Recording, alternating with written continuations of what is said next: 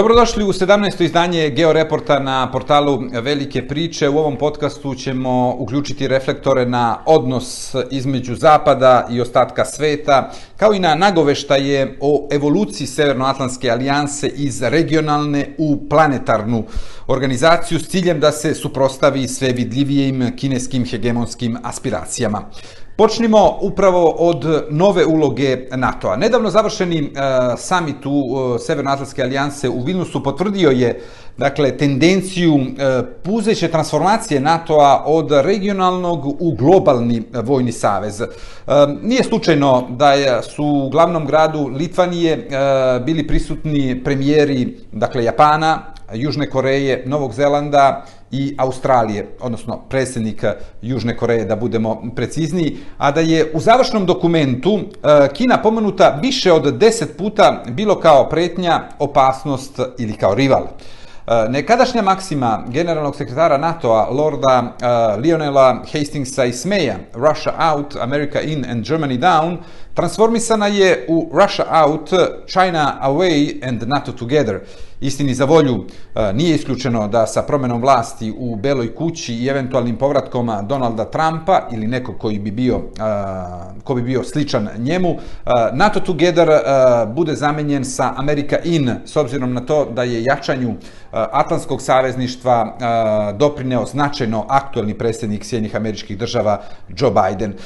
Rezultati samita u Madridu i Vilnusu predstavljaju neku vrstu, možemo da kažemo, odložene pobede filozofije koju su zagovarali državni sekretar u vreme Georgea Busha starijeg James Baker i potpredsjednik Sjedinih američkih država na početku ovoga veka Dick Cheney. Njih dvojica su smatrali da posle pada Berlinskog zida i raspada Sovjetskog saveza e, NATO ima smisla samo kao globalna e, organizacija, odnosno globalan e, igrač, a da je preskup i neisplativ kao regionalni savez Vašingtona koji treba da štiti dve obale Atlantika, odnosno države koje se e, naslanjaju na Atlantski okean.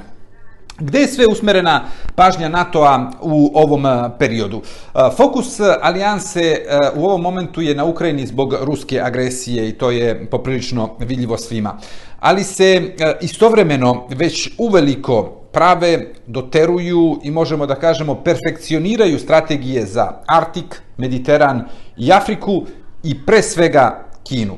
U suštini, eh, u konkurenciji sa drugim eh, potencijalnim žarištima eh, koji su u ovom momentu izraženi na planeti, pitanje Ukrajine možda i nije toliko ni bitno. Šta više, administracija Joe Bidena zato i želi da stigne do primirja do kraja ove godine i da započne pregovore o mirovnom sporazumu, jer na taj način bi i omogućila predsjedniku Bajdenu da sa više šansi i više mogućnosti uđe u izbornu trku koja bi trebalo da potvrdi njegov mandat i u sljedeće četiri godine. Podsjetimo, Kina je e, prvi put pomenuta u zajedničkoj deklaraciji NATO-a prošle godine u Madridu kada e, su premjerno uzeli učešće na godišnjem sastanku šefova vlada i država članica NATO-a i e, njihove kolege iz Tokija, Seula, Kambere i Wellingtona. Oni su također i poznati kao Eh, format eh, Indo-Pacifička četvorka, odnosno IP4. Eh, također i nemački kancelar Olaf Scholz je iskoristio summit u Vilnusu da lansira novu nemačku strategiju u odnosima sa Kinom, jer sljedeći američku logiku i novi, možemo da kažemo, vokabular plasiran iz Berlina i od strane samog predsjednika vlade Savezne republike je uzeo kao definiciju de-risking a ne decoupling, što je u suštini e, samo manje traumatično e, ime za suštinski istu stvar. E, Nemačka je krenula putem smanjivanja povezanosti i zavisnosti e, od svoje ekonomije od kineske i tu je reč o irreverzibilnom, odnosno nepovratnom procesu koji se ne odnosi samo na, na Nemačku, već i na gotovo sve e, članice Evropske unije kao i na dobar deo zapadnog sveta.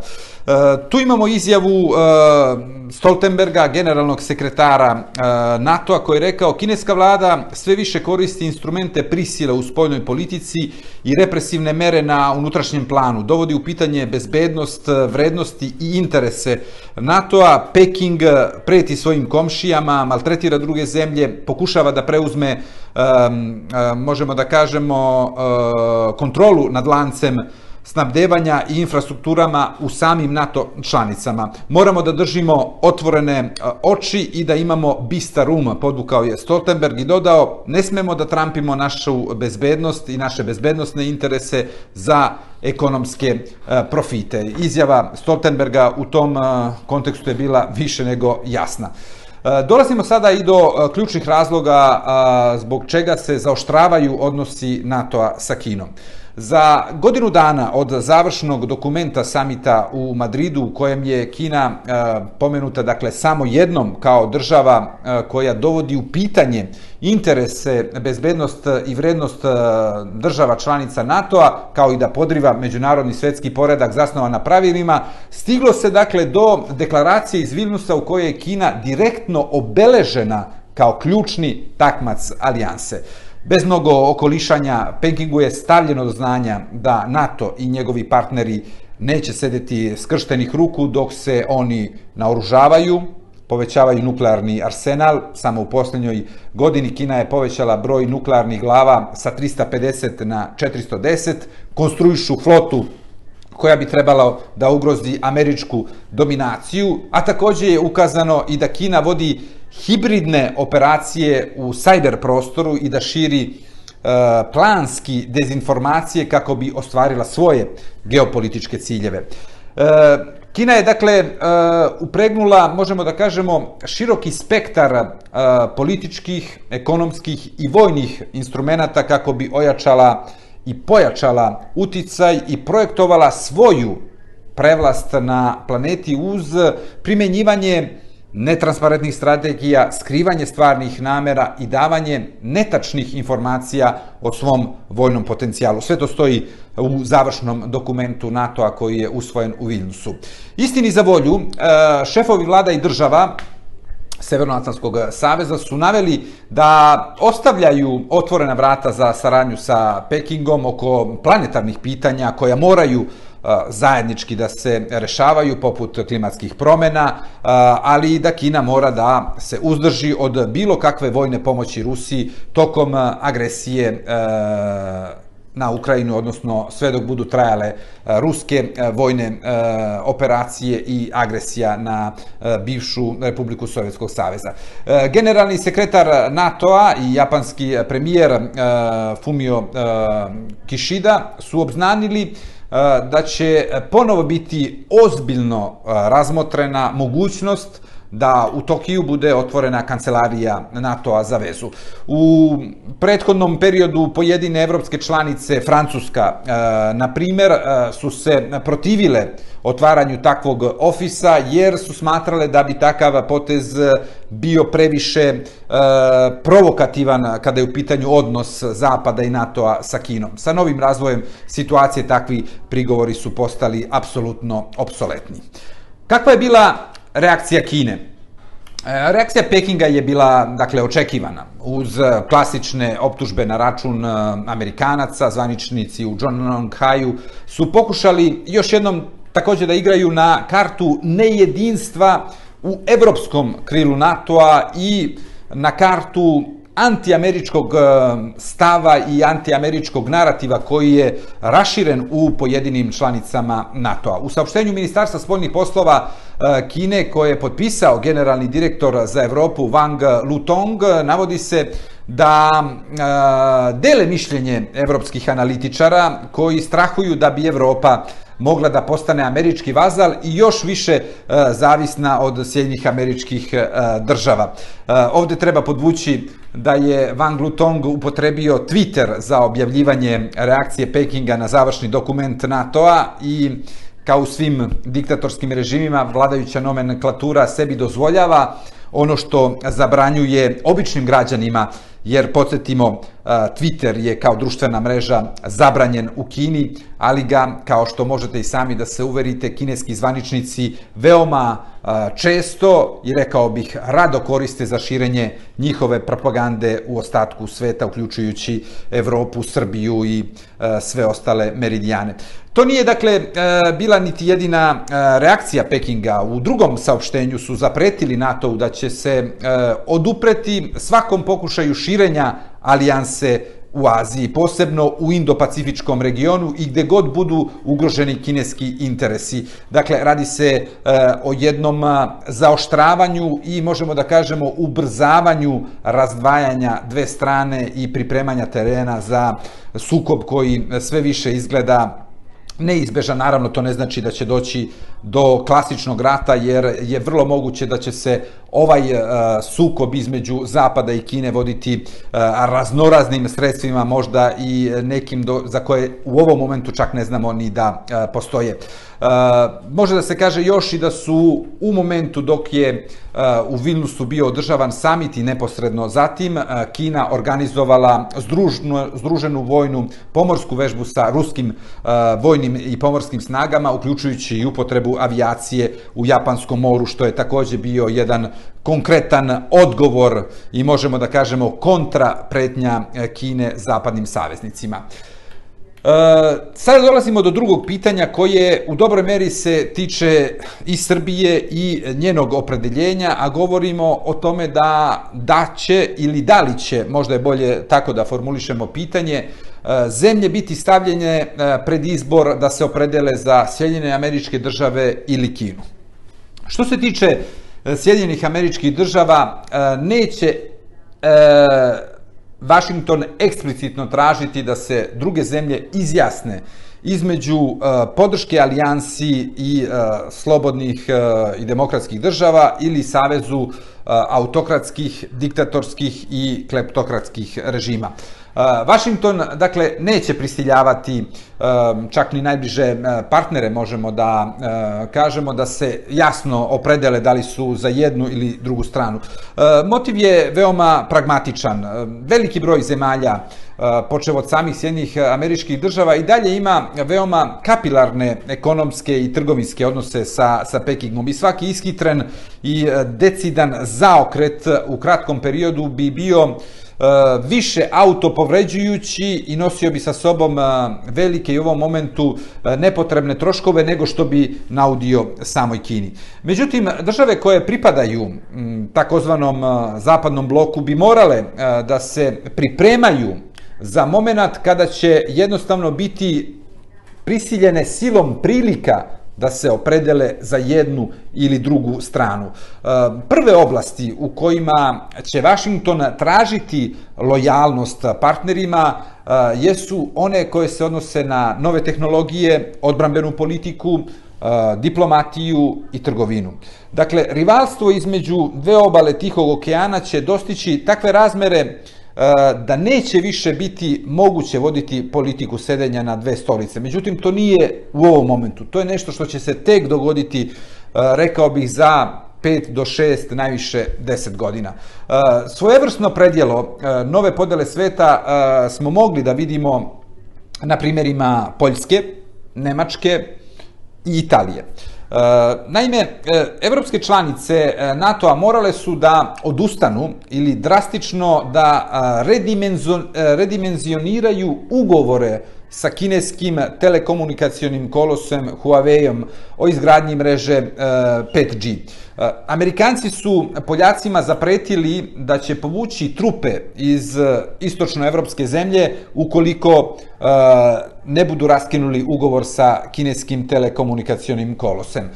Nemcima su stavili do znanja da neće više deliti sa njima poverljive podatke, a italijanima m, su praktično uh, postavili ultimatum da napuste novi put svile, jer podsjetimo, Italija je jedina zemlja iz grupe 7 koja je bila deo, odnosno još uvek je formalno uh, deo novog puta svile i uh, E, jednostavno Italija posle posete, to je postalo veoma e, vidljivo, George Meloni Washingtonu i razgovora sa Joe Bidenom će izaći iz e, novog puta svile. E, takođe, Japan i Holandija, ali i neke druge zemlje e, su bile primorane da obustave izvoz poluprovodnika i mikročipova u Kinu.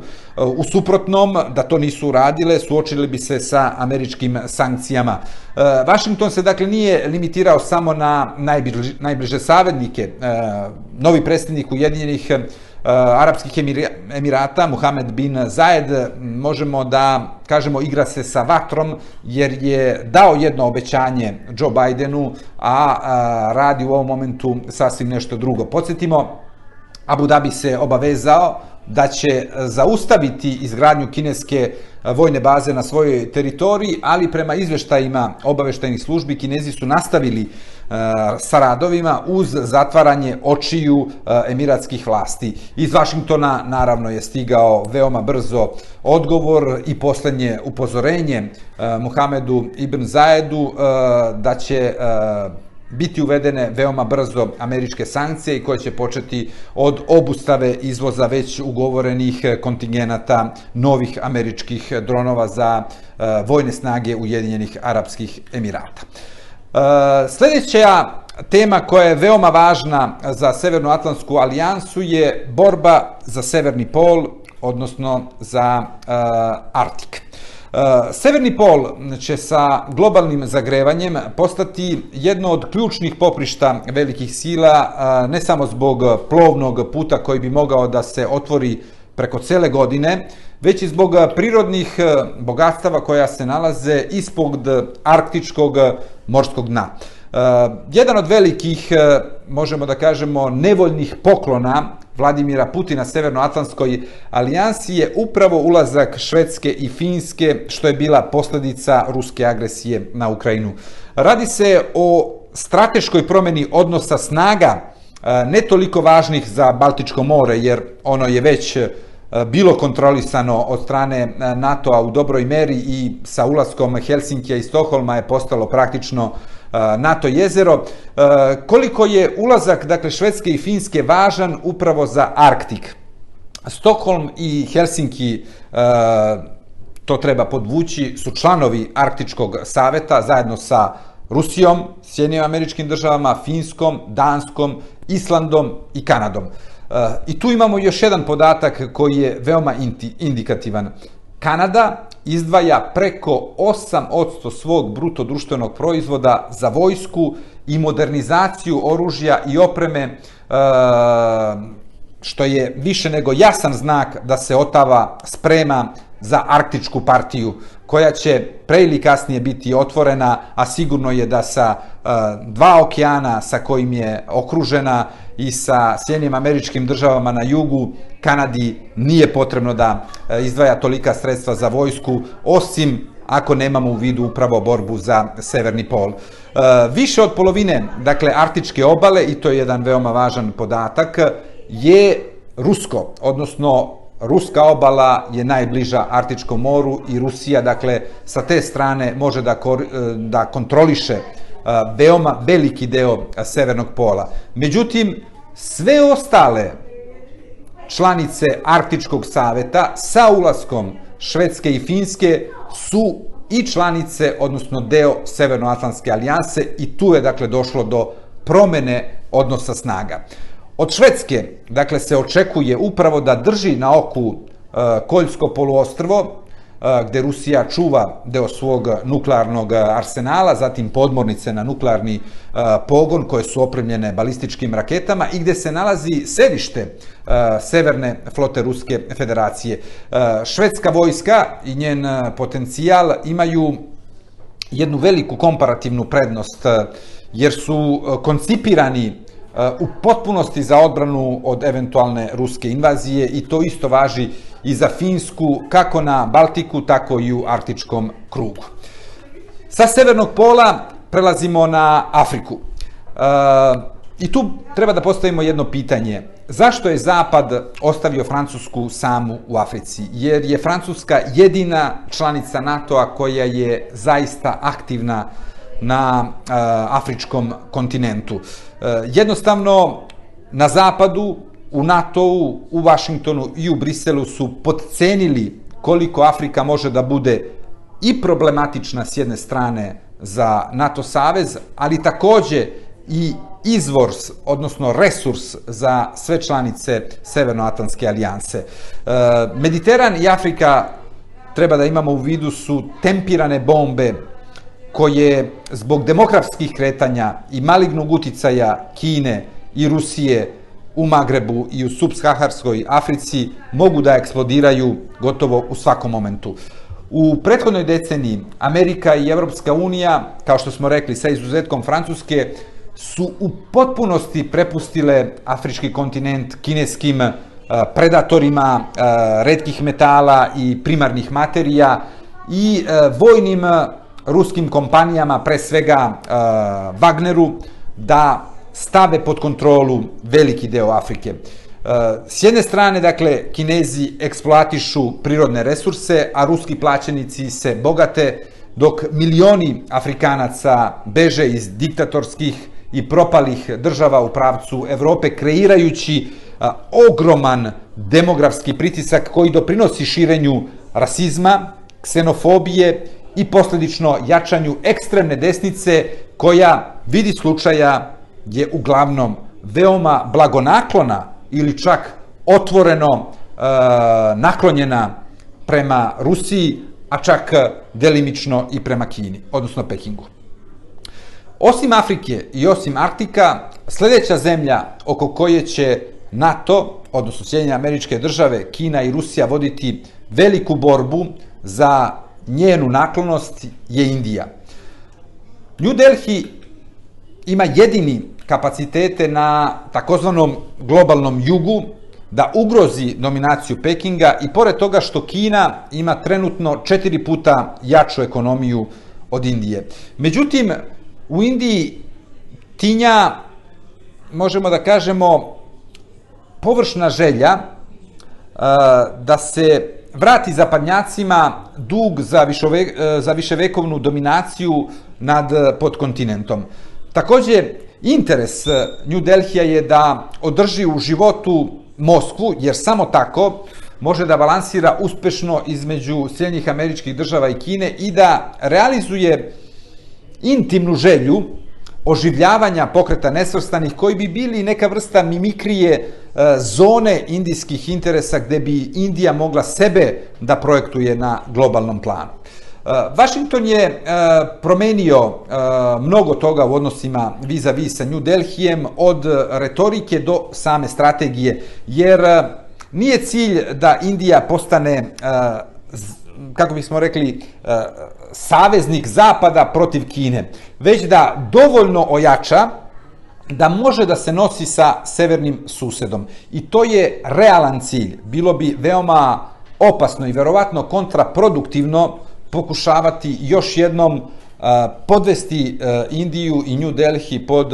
uticaj Zapada, jer je sada dovoljno i jaka i moćna da se odubre jednom takvom planu. I zato je američka administracija ispravno zaključila da Indija zbog svoje tradicije, ali i prirodnog instinkta, teži da bude nesvrstana. E, zato je bolje pomoći Indiji da postane planetarni igrač u multipolarnom svetu, e, nego riskirati da završi u kineskom zagrljaju i pored urođenog animoziteta između dve nacije, jer ako postoji Eh, rivalstvo veoma snažno i možemo da tako kažemo eh, veoma zapaljivo, onda je to upravo između Indije i Kine. Eh, Sjedinje američke države i Evropska unija bi trebalo da primene sličan pristup ne samo prema, prema Indiji, već i prema Brazilu, Južnoafričkoj republici, Indoneziji, dakle svuda tamo gde postoje bilo kakvi oblici demokratije, to bi bio poželjan pristup jer je cilj da se te zemlje privuku i da budu mnogo bliže Vašingtonu nego što su Pekingu. Reč dve o Ukrajini i njenom članstvu u NATO-u. Predsjednik Volodimir Zelenski je morao da se pomiri sa činjenicom da većina država eh, u NATO-u ne želi da vodi eh, rat eh, sa Rusijom zbog Ukrajine, što bi implicitno značilo članstvo ili davanje datuma za ulazak Ukrajine u Severnoatlantsku alijansu. S druge strane, američki predsjednik Joe Biden nije želeo da servira Rusiji na zlatnom poslužavniku ključeve od ulaska Ukrajine u NATO, eh, stavljajući crno na belo da će Ukrajina postati deo Severnoatlantske alijanse onog momenta kada se završi rat sa Ukrajinom ili odnosno sa Rusijom, odnosno kada se završi ruska agresija na Ukrajinu. U tom smislu je pronađeno, dakle, e, možemo da kažemo, solomonsko rešenje, osnivanje sa jedne strane saveta NATO-Ukrajina s ciljem, dakle, političke i vojne koordinacije tokom ruske agresije, plus držanje otvorenih vrata za članstvo Ukrajine u NATO-u, eliminisanjem obaveze Ukrajine da ispuni takozvani membership action plan i skraćivanja značajno dakle čitavog tog itera i puta ka članstvu u NATO-u. Tako da, kada imamo sve to u vidu, sada je najveći problem za Kijev u budućnosti, ne samo kada je u pitanju članstvo u NATO, već pogotovo kada je članstvo u Europskoj uniji, i koje će verovatno biti mnogo teže nego što je rat e, sa Rusijom, je borba i eliminisanje endemske korupcije koja postoji u ukrajinskom društvu, jačanje veoma slabih demokratskih institucija i još slabijeg pravosudnog sistema koji je do srži korumpiran i koji ima veoma oskudne administrativne kapacitete. Sa ovih pitanja koja se tiču NATO-a prelazimo sada na e, odnos između Zapada i ostatka sveta koji je nekada bio definisan kao Uh, the West and the rest, a sada u posljednjih nekoliko godina je uh, preformulisan uh, u odnos Zapada sa globalnim jugom. Podsjetimo da je francuski um, ekonomista Alfred Sauvy pre 70 godina podelio svet na prvi kapitalistički, drugi socijalistički i treći nesvrstani, bazirajući dakle svoju podelu više na ekonomskim nego na političko-sociološkim parametrima.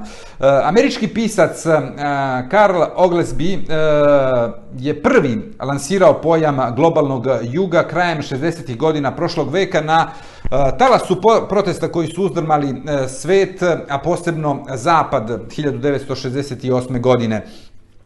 Vekovima je pisao je, dakle, Oglesby, sever dominirao južnim deloma planete, sve dok nije proizveo neodrživi društveni poredak. E, to je stajalo u njegovom tekstu koji je objavio u katoličkom e, mesečniku Commonville 1969. godine. E, Zapad je, dakle, možemo da kažemo, geopolitički pojam za razliku od globalnog juga, jer ima svoje vrednosti, na kojima se bazira i sama alijansa, dakle i sam Severnoatlantski pakt, dok se globalni jug zasniva na jednostavno neprijateljskom sentimentu ili, ako hoćemo da potrebimo eufemizam, nepoverenju u prvoj liniji prema Sjedinjenim američkim državama, naravno, a zatim i prema ostatku Zapada.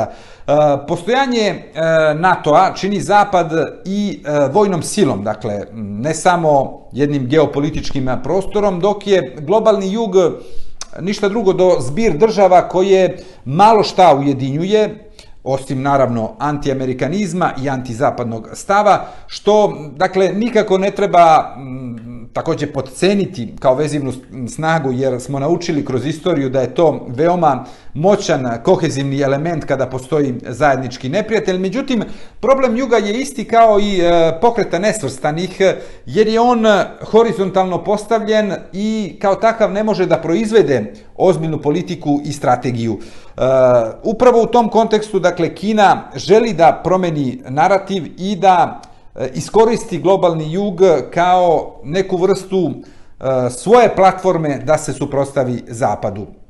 Globalni jug, dakle, i to treba naglasiti, nije geografski pojam, baš kao što geografski pojam nije ni zapad, jer, jer ako imamo u vidu da su Rusija i Kina mnogo više na severu nego brojne članice koje pripadaju između znaka zavoda zapadu, kao što, jeli, poput Južne Koreje ili Australije, kao naravno i drugi niz država.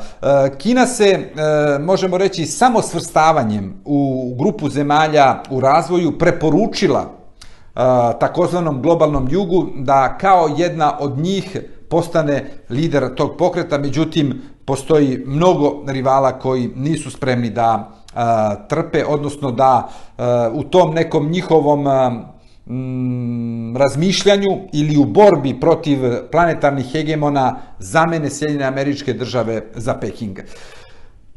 U celoj toj priči najmanje se snalaze sami evropljani. E, evropljani su praktično ušuškani u mir koji traje, govorimo naravno o, o zapadnoj i centralnoj Evropi, e, dakle, oni su ušuškani u taj mir koji traje već 80 godina, ratovi e, u bivšoj Jugoslaviji, u zapadnim i centralnoevropskim e, medijima i u političkim think tankovima se po pravilu ili se zaboravljaju ili se tretiraju kao neka balkanska posta ili sui generis posta koja ne mogu da budu od nekog velikog uticaja na evropska kretanja.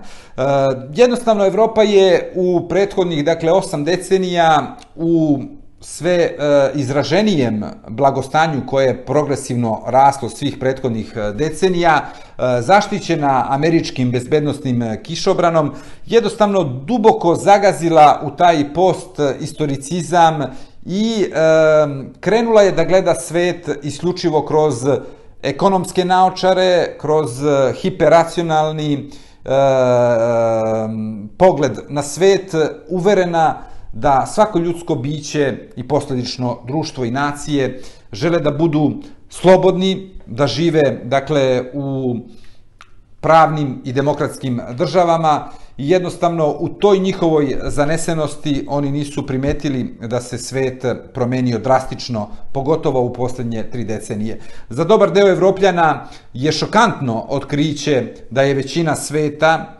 protiv njih i pored toga što se oni nalaze na pravoj strani Eh, u rusko-ukrajinskom eh, ratu koji je u toku. Naravno, danas više nego ikada važi krilatica Marka Aurelija da nije cilj eh, u životu biti na strani većine, već izbeći da završiš u redovima budala.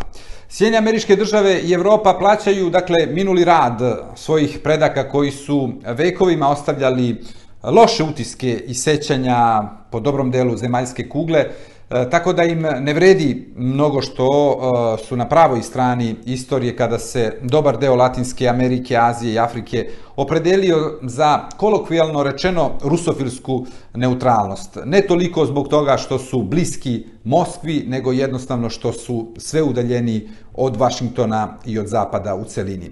I sada dolazimo do propagande koja traje već decenijama protiv Zapada i koja je orkestrirana, finansirana i logistički podržana iz Pekinga i iz eh, Moskve. Eh, kineska i ruska propaganda uz sadejstvo delova a, zapadnih društava među kojima pojedinci zaista i deluju kao neka vrsta pete kolone, već duže vremena šire sliku i uverenje, možemo da kažemo, a, da je Zapad neokolonijalna sila koja je dominirala svetom vekovima i sada želi da koristeći nova sredstva nastavi tu svoju dominaciju.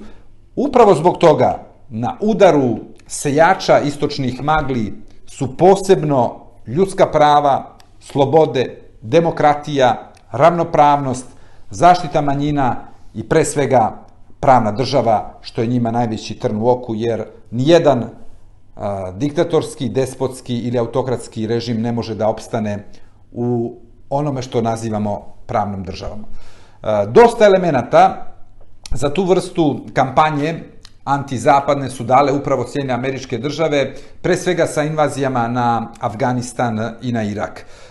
Tu treba još i dodati da su u tome dosta doprinjeli i pokreti koji su se formirali u Sjedinjim američkim državama i Evropi koji revidiraju istoriju i izvlače kolonijalnu prošlost evropskih e, država iz konteksta sa implicitnom osudom današnjih generacija Amerikanaca i Evropljana za e, nedela njihovih predaka. Kao da današnji Evropljani i Amerikanci su krivi za ono što su radili njihovi preci. E, ta propaganda, kao što možemo da vidimo i u Srbiji, ima veliki uspeh jer pada na izuzetno plodno tlo, jer u društvima koja nemaju demokratsku tradiciju, za koje e, sloboda znači samo kada niste okupirani od strane sile i u kojima je korupcija toliko duboko ukorenjena da je jednostavno obrazac poslovanja i ponašanja, Zapadne vrednosti i e, liberalna demokratija su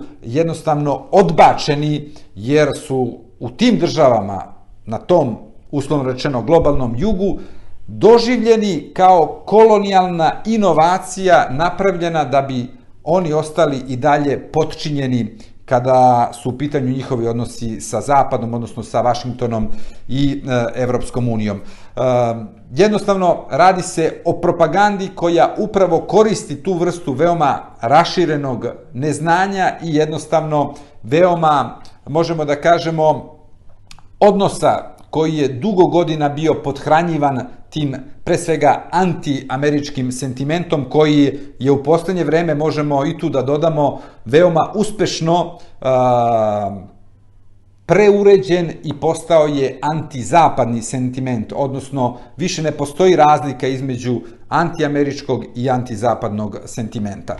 I na kraju zaključak u ovom našem dugačkom podcastu. Dakle, ako je Rusija uh, akutni trenutni problem za NATO, Kina je dugoročni. Kineska pretnja će biti konstanta još dugo vremena jer e, Peking ima ekonomiju koja je dovoljno jaka i dovoljno autonomna da funkcioniše i u otvorenom sukobu za hegemonsku poziciju sa Sjedinjenim američkim državama na planeti. E, zato je potrebno da NATO postane globalna organizacija ali i da nesvrstani budu, između znaka navoda, svrstani uz Severnoatlantsku alijansu koja bi dakle bila proširena i na Aziju i na ostale delove e, planete, jer bi na taj način i baricentar same organizacije ostao u Evropi, što bi dakle omogućilo i evropljanima, da tako kažemo uslovno rečeno, vrate dug Amerikancima koji su ih spasli dva puta u 20. veku, a u drugoj polovini prošlog stoleća su bili neka vrsta zaštitnog kišobrana od komunističke imperije. Jednostavno, sada je došlo vreme da Evropa vrati deo duga Amerikancima, stajući uz njih u odmeravanju snaga sa Kinom, jer to će biti ključna relacija ili ključni sukob, ako hoćete, koji nas čeka u sljedećim godinama a možda i u sljedećim decenijama. Toliko u ovom podcastu. U sljedećem podcastu ćemo se baviti Saudijskom Arabijom, još jednom zemljom koja traži svoje mesto na globalnoj političkoj pozornici i smatra da ima šta da kaže i da ima svoju ulogu koja u njihovim očima može da bude veoma značajna. Do sljedećeg gledanja i slušanja.